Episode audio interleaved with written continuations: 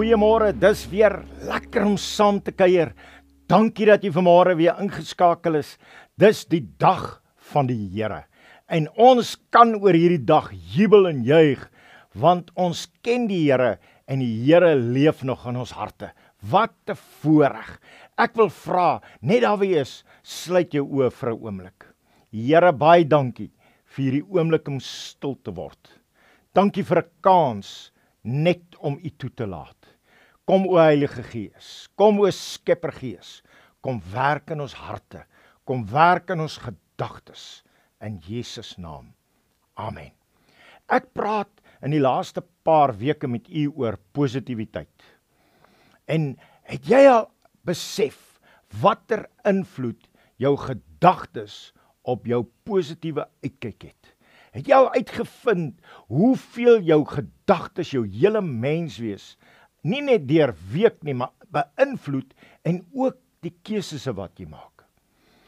Het jy agtergekom dat ons baie lankal baie gerieflik is? Het jy agtergekom dat ons so gemaklik geword het in ons alledaagse lewe? Al het ons dit nie breed nie en al het ons nie alles nie, ons is baie gerieflik. Het jy al probeer dink hoe ons sou kon vergelyk met die Bybelse tyd? Dink jy dat dat ons vandag kan vergelyk met Bybelse mense? Dink bietjie hieraan. Die Bybelse tyd en die Bybelse mense was nie 'n verhaal van kerkmense wat gerieflik en gemaklik geleef het nie. Hulle was nie mense wat naweke, veral Saterdag gebraai het en rugby gekyk het nie. Hulle was nie mense wat wat een keer 'n jaar met vakansie gegaan het nie. Van die begin af, as ons na die Bybel kyk, dan besef ons as ons lees oor die verskillende karakters dat dit mense was wat uitgestaan het binne in hulle moeilike tye. Mense wat opgestaan het in 'n krisistyd. En weet jy wat? As ek na die Bybelse tyd gaan kyk, dan sien ek mense wat swaar kry, mense wat deur slawerny gebuk gegaan het, mense wat in ballingskap weggevoer was. Ek sien mense wat onderdruk was. Selfs in Jesus se tyd was die Romeinse tydperk van onderdrukking. En 'n mens lees dat in die in die vroeë kerk het het die het die Romeine en die Jode die kerk in Handelinge vervolg. Eintlik agterna gesit. Eintlik gejaag. In die Bybel maak geen geheim daarvan nie. En in in die Bybel draai nie doekies daarom te rent dat oor die realiteit van 'n stikkende wêreld waarin ons moet leef nie. Hy maak ook nie 'n geheim daarvan dat die mense in daardie tyd te midde van 'n stikkende wêreld 'n verskil kon maak. Ons kla so maklik. Ons kerm so maklik vandag.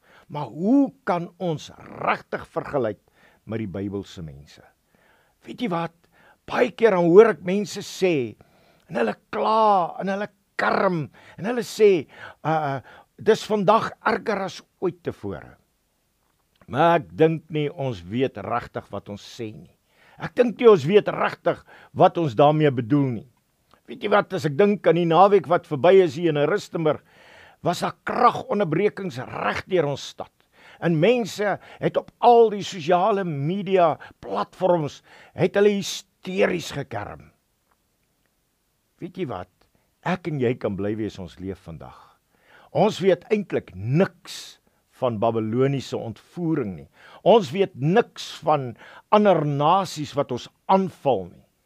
As ons in die Bybelse tyd geleef het met vandag se gesindheid, was ons totale senuweewrakke. God se mense het reg deur die geskiedenis, selfs in die donkerste tyd, het hulle op God vertrou. Hulle het begin fokus op wat die Here vir hulle kan doen. En daardie fokus, daardie die die persepsie oor wat God vir hulle doen, het hulle positief en gelowig gemaak. En weet jy wat? Ek het besef dat in 'n tyd soos hierdie is dit juis die beste idee dat ons ons gedagtes moet beïnvloed, moet moet bemagtig met God se woord. En Paulus gee vir ons eintlik uitstekende raad. As hy daar in Filippense 4 vers 8 sê, vul jou gedagtes met alles wat waar is, alles wat eerbaar is, alles wat skoon en suiwer en lieflik en lofwaardig is. Vul jou gedagtes daarmee. Want as jou gedagtes daarmee gevoed is, is jou gedagtes positief beïnvloed. En daardie gedagtes gaan van jou 'n positiewe mens maak. Moenie heeltyd fokus op al die negatiwiteit van ons wêreld nie. Moenie fokus op op op op die koerante met al die sensasie wat opgedis word nie. Moenie jou gedagtes fokus op al die slegte nuus wat jy elke dag kry nie.